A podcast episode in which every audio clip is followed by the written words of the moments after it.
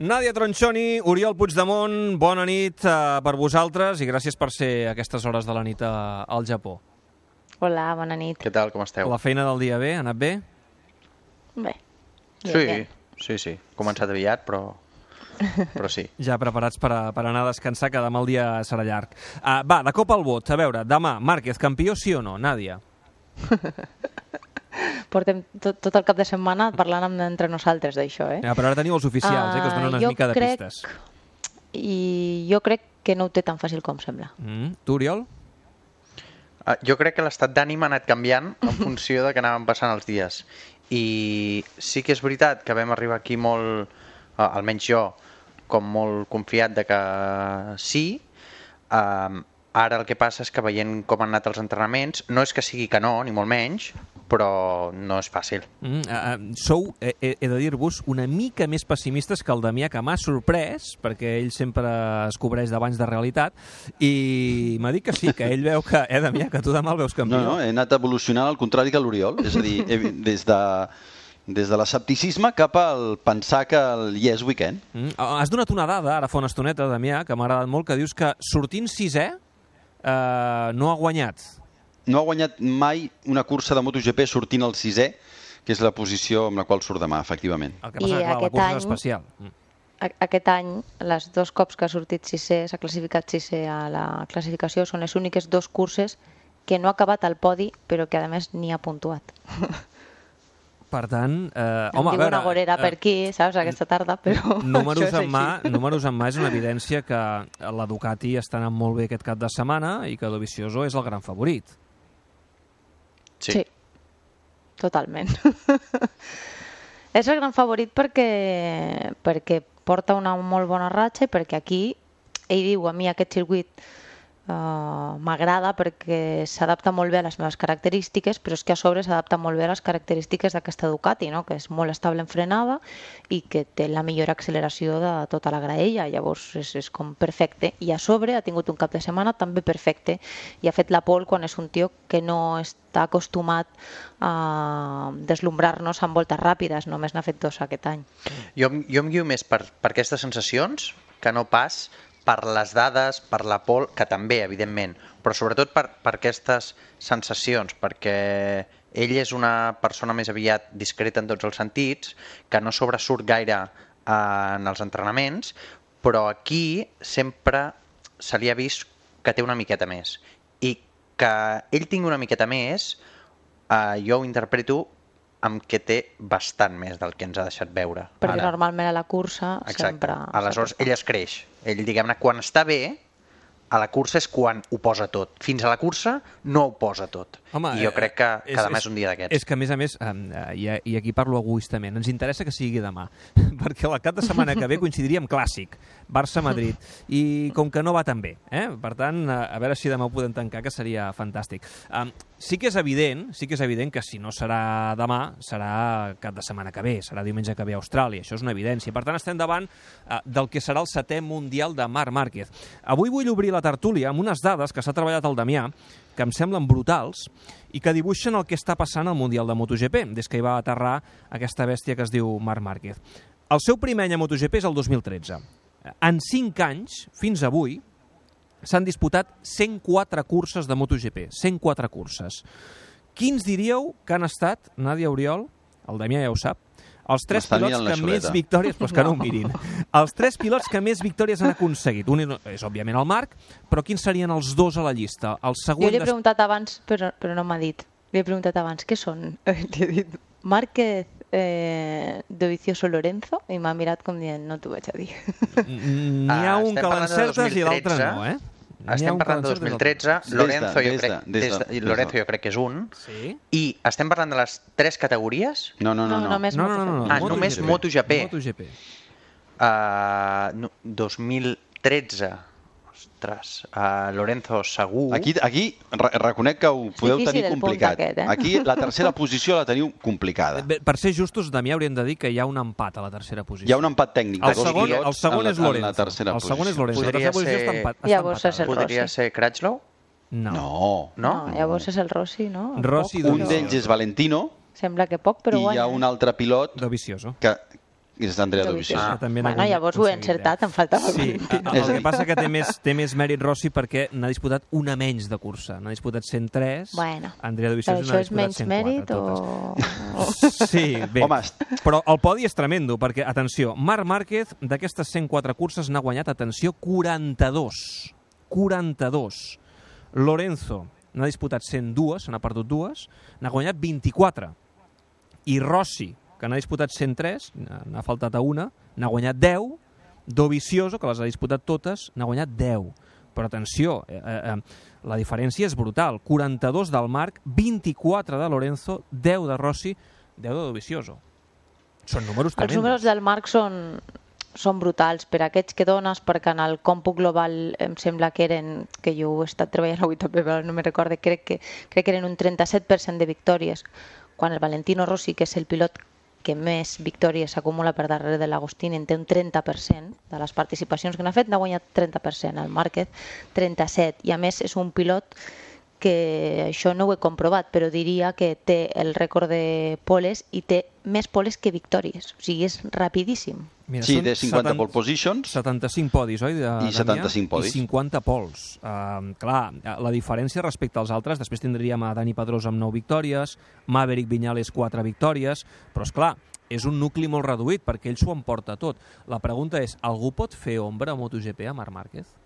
No. Ara mateix no. Pot Ui, ser ui. quan tingui 39 anys, també com el Valentino. Quines, Sí. quines respostes més ràpides. Com han fet aquestes respostes més ràpides i ens donen molt de marge, jo vull que escolteu unes declaracions de Lucho Cequinello que ha fet aquesta setmana a GP1, que és un, una pàgina web que, que coneixeu, que parla de on és, on és el pilot que li pot fer ombra a Marc Márquez. Diciamo che probabilmente Stoner è stato quello che ha portato il- il- la MotoGP a fare un cambiamento di stile di guida.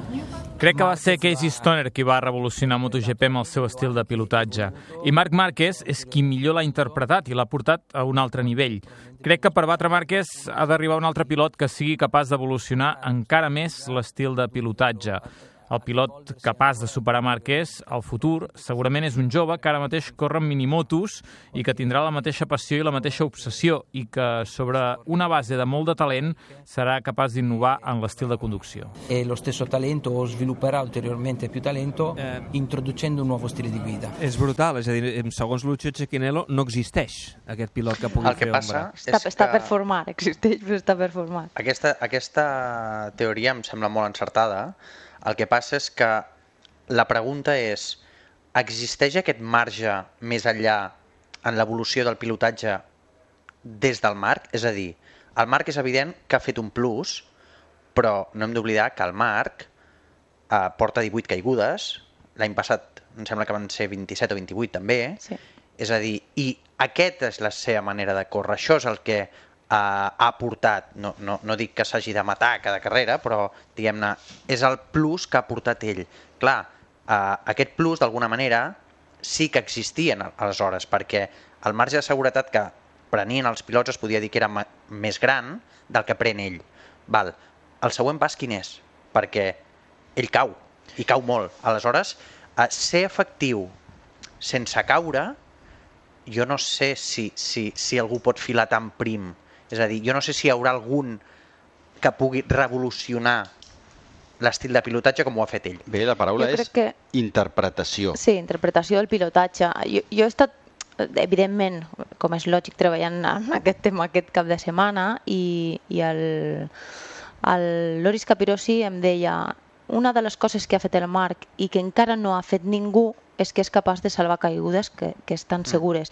I em deia, jo estic segur que d'aquí 10 anys hi haurà molt més pilots que siguin capaços de fer això que fa el Marc. Ara és a dir, només com, ho fa ell, però potser ho fons, faran. Nàdia, com que va tan a fons, eh, eh, si fos un pilot normal, hauria de caure molt més i sumar menys punts dels que ha sumat. Bueno, jo crec que sí. Eh, eh, jo crec que a més té a veure amb la, amb la seva habilitat amb la moto, no? amb la manera que ell porta la moto. Llavors això, l'únic que ha estat capaç d'interpretar-ho, com bé deia el Damià, de moment és el Marc.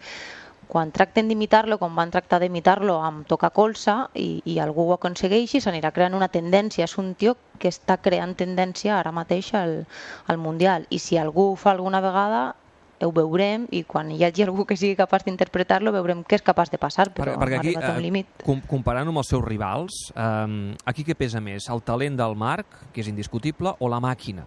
Perquè no en parlem de la màquina. Aquí jo crec que en aquest cas, aquests últims anys, està pesant molt el talent del, En aquest sentit jo crec que és pilot. indiscutible perquè només cal que miris eh, la diferència que hi ha entre el que ell aconsegueix i la resta de pilots d'Honda. És a dir, a dia d'avui la Ducati no hi ha ningú que no et digui que la Ducati és la moto més equilibrada, la que està més afilada, la que té més potència, la que va millor. És a dir, no, no I té la millor moto, funciona. el Marc. El, el Marc no té la millor moto.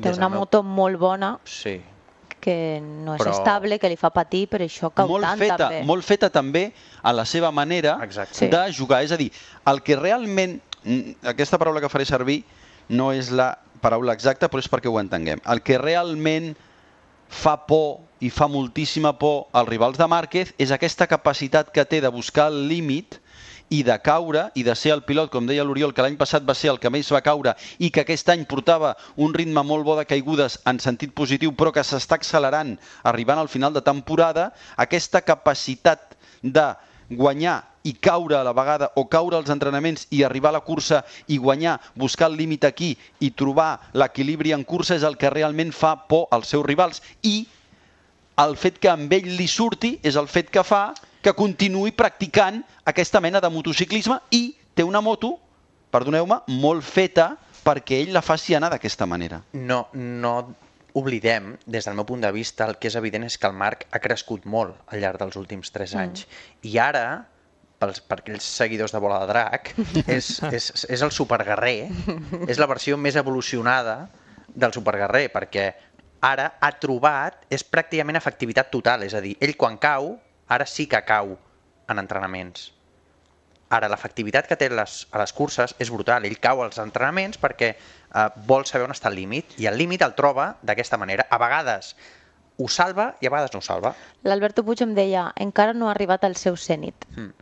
Uh, l'any que ve. crec que en pilotatge encara té molt que aportar-nos. Jo li veig que en el volta a volta encara té molt que aportar-nos. I potser té a veure amb això, no? amb caure menys, fer una volta menys loca, no? d'aquest estil que diu el, que diu el Damià, una volta menys arriscada, més, més, més semblant, una volta a l'altra, i això el faria guanyar també, també punts.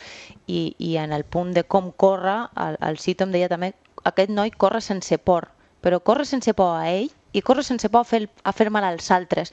Que aquest és l'únic punt que jo veig que pot ser negatiu o que pot influir en el que passarà als anys vinents. i perquè que ara mateix estem... criticat. Sí, clar, perquè ara mateix estem assumint perquè ell és el que mana, el que té la, el domini de la categoria, que s'ha de córrer així, s'ha de córrer amb contacte i, Estem parlant de i que... que- els límits s'han superat. Estem parlant de que Cito Pons és un dels pilots més cerebrals, Damià, si no... Sí, segurament. que, que ha existit al, al motociclisme eh, espanyol. I que donava gas sabent què tenia a les mans per donar gas. Exacte. Evidentment, sense... Formes diferents no, d'entendre. Sí. Eh, doncs si encara no ha arribat al seu zenit, eh, jo no sé eh, davant Bueno. de què podem estar, perquè, és clar, eh, no oblidem que té eh, 25 anys, té 25 anys, eh, i que si bé guanya demà o la setmana que ve, és una qüestió de temps, eh, aconseguirà el seu setè mundial, que serà el cinquè a MotoGP. Es quedarà, per tant, amb 25 anys, eh, atraparà Duhan, que també en va guanyar 5, es quedarà a dos de Rossi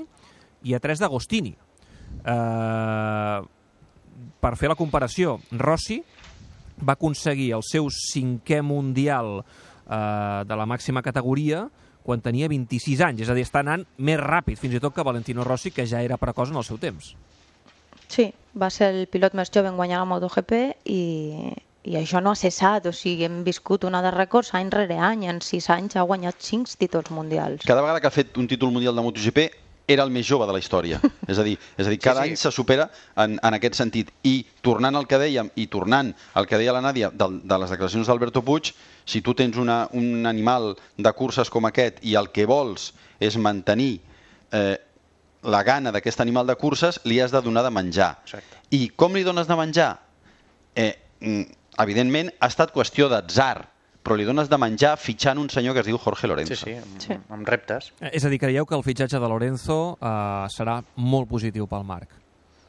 Per Serà- nosaltres, per nosaltres segur. Serà Això molt segur, interessant per això nosaltres. Segur. Això segur. I més de, Serà després d'aquella petita polèmica eh, que va haver-hi ara fa unes curses, però serà interessant. Però per ell serà bo com a pilot?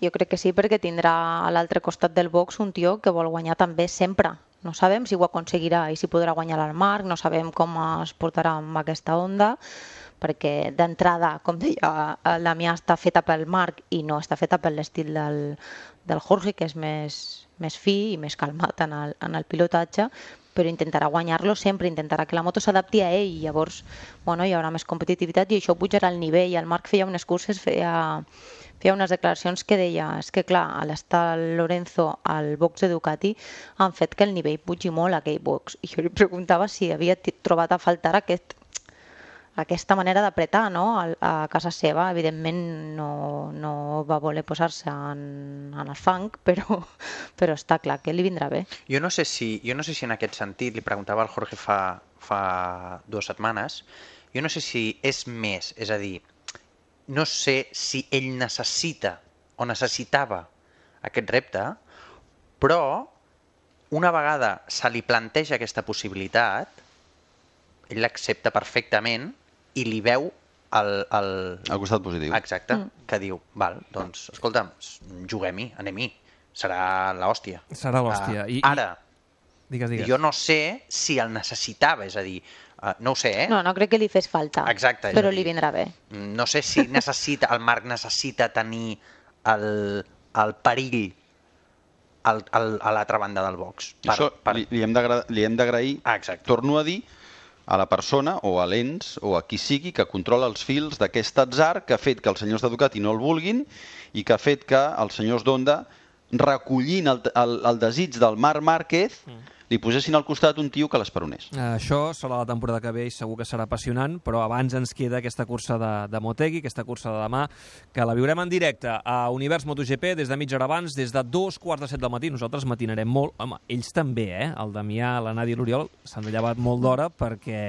ja sabeu que això d'anar al circuit s'hi va a primera hora, no, no quan les curses estan a punt de començar. No, no, a les 8 del matí, hora d'aquí, hi serem. I sereu. Si vols a entrar, dormir. sí, va, sí, ha d'anar d'hora. Doncs vols a et dormir, que heu de descansar. A dormir, a dormir. Que demà el dia serà molt llarg. Uh, Oriol, Nàdia, moltíssimes gràcies. Fins la propera, que vagi molt bé la jornada de demà. Damià, Gràcies. descansa i afina bé la veu. Molt bé. Adéu-siau. Fem una pausa per la Publi i quan tornem anirem fins a Cervera. Ens espera la mare de la criatura, la mare del Marc Márquez.